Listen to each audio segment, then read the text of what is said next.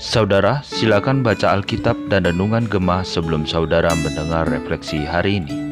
Shalom saudara, jumpa kembali di dalam refleksi Gema pada tanggal 6 April 2023. Sebelum kita merenungkan firman Tuhan dan merefleksikannya, marilah kita bersama-sama bersatu di dalam doa.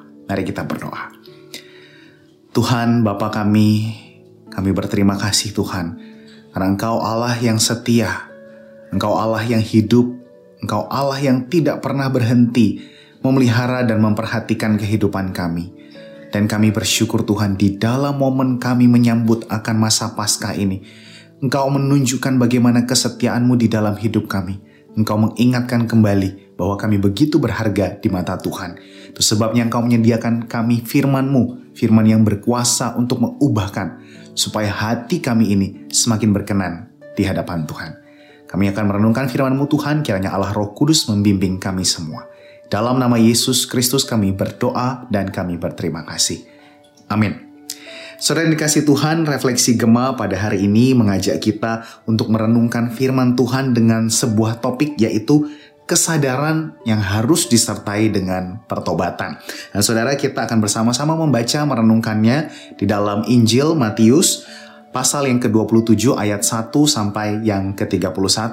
Tetapi pada kesempatan kali ini izinkan saya hanya akan membaca pada ayatnya yang pertama sampai ayat yang kelima dan tentu saja saudara sekalian dapat melanjutkan pembacanya di tempat kediaman masing-masing.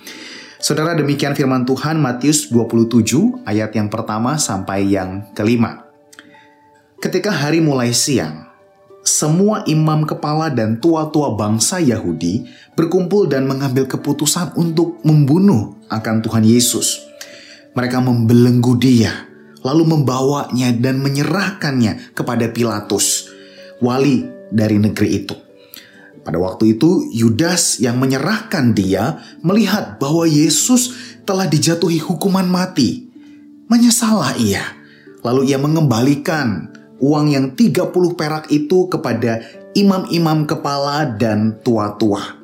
Dan berkata, aku telah berdosa karena menyerahkan darah orang yang tak bersalah. Tetapi jawab mereka, apa urusan kami dengan itu? Itu urusanmu sendiri. Maka ia pun melemparkan uang perak itu ke dalam bait suci, lalu pergi dari situ dan menggantung dirinya. Saudara mungkin mengenal apa itu artinya hampir di dalam kosakata bahasa Indonesia. Ya, seorang pebasket bernama Kobe Bryant, seorang legenda. Dia mengatakan sesuatu yang hampir itu sebetulnya sama sekali tidak masuk hitungan. Ya, misalnya saja kalau main basket, kita melempar bola ke dalam ring tetapi hampir masuk, tentu saja itu tidak akan dianggap sebagai sebuah poin bagi tim yang berusaha untuk memasukkan bola tersebut jikalau bola itu hampir masuk. Nah, saudara, menarik sekali karena mungkin juga kita mengingat suatu peristiwa tokoh di mana ada seorang anak muda yang kaya berjumpa dengan Tuhan Yesus. Dia yang hampir pada saat itu mengikut akan Tuhan Yesus. Namun karena banyak hartanya, ia tidak rela untuk menjualnya saudara. Meski hampir saja ia mengikut Yesus, tetapi toh pada akhirnya terbukti ia tidak mau mengikuti Yesus oleh karena hartanya yang banyak itu. Melalui kisah yang tadi baru saja kita baca tentang Yudas, di situ terjadi pula di mana Yudas Iskariot itu hampir saja menjadi murid daripada Tuhan Yesus yang sejati. Tetapi sayangnya meski dia telah mengikut Tuhan Yesus sekian lama, ternyata ia terbukti adalah seorang yang berkhianat dengan menjual dan kemudian menyerahkan akan Tuhan Yesus kepada imam-imam dan para kepala tua-tua um, dan lain sebagainya. Saudara, peristiwa hampir yang kita mau soroti adalah bagian di mana ketika sebetulnya saat itu Yudas sudah menyadari, dia mengakui bahwa aku orang yang berdosa. Saudara itu adalah satu hal yang sangat baik, tetapi itu sesuatu yang hampir bagi Yudas. Oleh karena ketika dia menyadari dia berdosa, ia tidak datang kepada Tuhan. Ia tidak datang kepada Tuhan dan kemudian bertobat di hadapan Tuhan. Hampir saja penyesalan itu berujung pada pertobatan. Tetapi sayang sekali pada akhirnya ia justru tidak datang kepada Tuhan, tidak mau mencari pengampunan di dalam Tuhan Yesus Kristus. Saudara, kita tahu betul bahwa pada saat itu tidak hanya Yudas saja sebetulnya yang jatuh di dalam dosa. Para murid pun sebetulnya berdosa ketika mereka akhirnya memutuskan untuk lari meninggalkan Tuhan yang pada saat itu hendak ditangkap. Dan kita melihat kisah seperti misalnya Petrus ya bahkan menyangkal kalau ia itu mengenal akan Tuhan Yesus. Ia tidak hanya berbohong kepada orang-orang yang pada saat itu bertanya kepada dia, "Apakah kamu mengenal orang ini?" Dia berkata, "Tidak." Dia tidak mengenalnya. Ia tidak hanya berbohong kepada mereka, tetapi ia juga sebetulnya tidak menepati janji yang telah ia sebutkan, yang ia telah ikrarkan kepada Tuhan Yesus bahwa ia tidak akan bersaksi dusta. Saudara, di sekitar peristiwa itu ada banyak orang berdosa. Tetapi kisah Yudas ini menunjukkan meskipun kesadaran berdosa itu sudah muncul sebetulnya. Tetapi jikalau tidak disertai dengan pertobatan yang sejati, pertobatan yang sungguh nyata, itu sama saja dengan kalau kita boleh sebut hampir bertobat. Dan tentu saja sesuatu yang hampir itu berarti tidak masuk hitungan saudara. Hal ini perlu untuk kita renungkan bersama, terutama ketika kita mau menjelang masa Paskah ini bersama-sama. Apakah kita ini memang betul seorang murid Kristus yang sejati? Ataukah kita hanyalah seorang yang hampir menjadi murid Kristus? Dan hal ini dapat kita jawab dengan bagaimana kemudian cara kita hidup sebagai pengikut Kristus. Apakah ketika kita diperhadapkan dengan pergumulan tentang dosa misalnya, kita menyadari juga ini sebagai sesuatu hal yang sebetulnya mendukakan akan hati Allah. Dan setelah menyadari, apakah kemudian kita juga turut mulai mengubah hati kita, mindset akan pikiran kita yang kemudian nyata dalam perbuatan kita.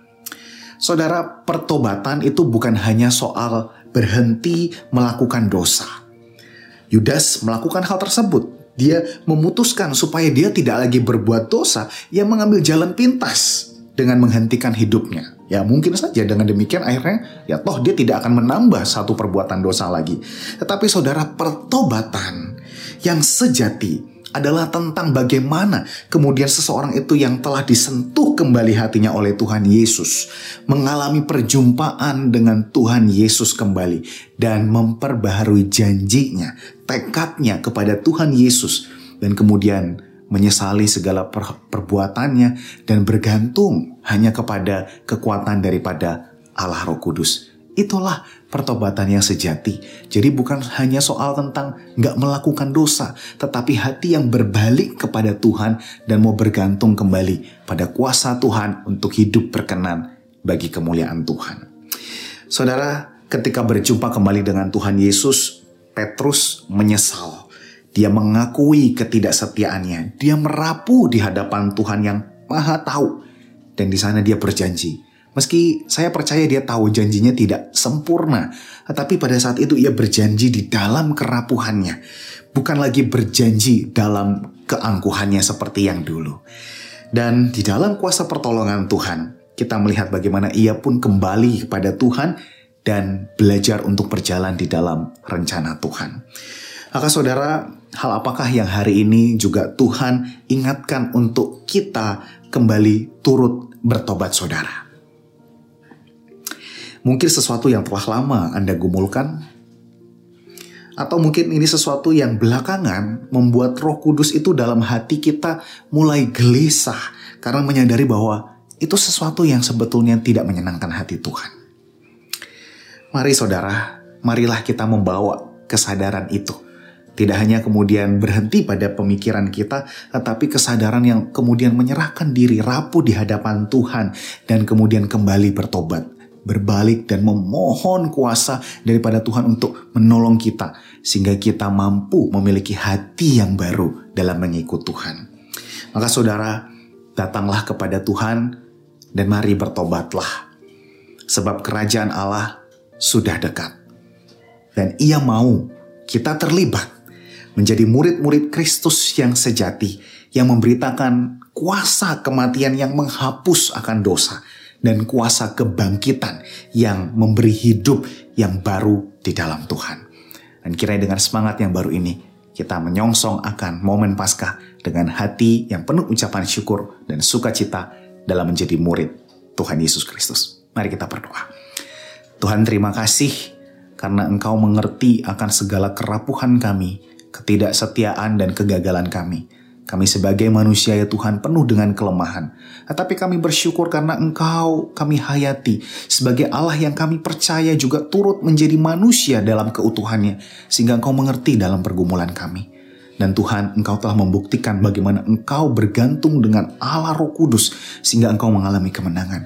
Maka Tuhan tolong kami supaya kami pun boleh bergantung hanya kepada Allah Roh Kudus sehingga hidup yang telah ditebus oleh Tuhan Yesus itu kami boleh persembahkan sebagai hidup yang kudus, yang suci, yang berkenan, yang sempurna di hadapan Tuhan.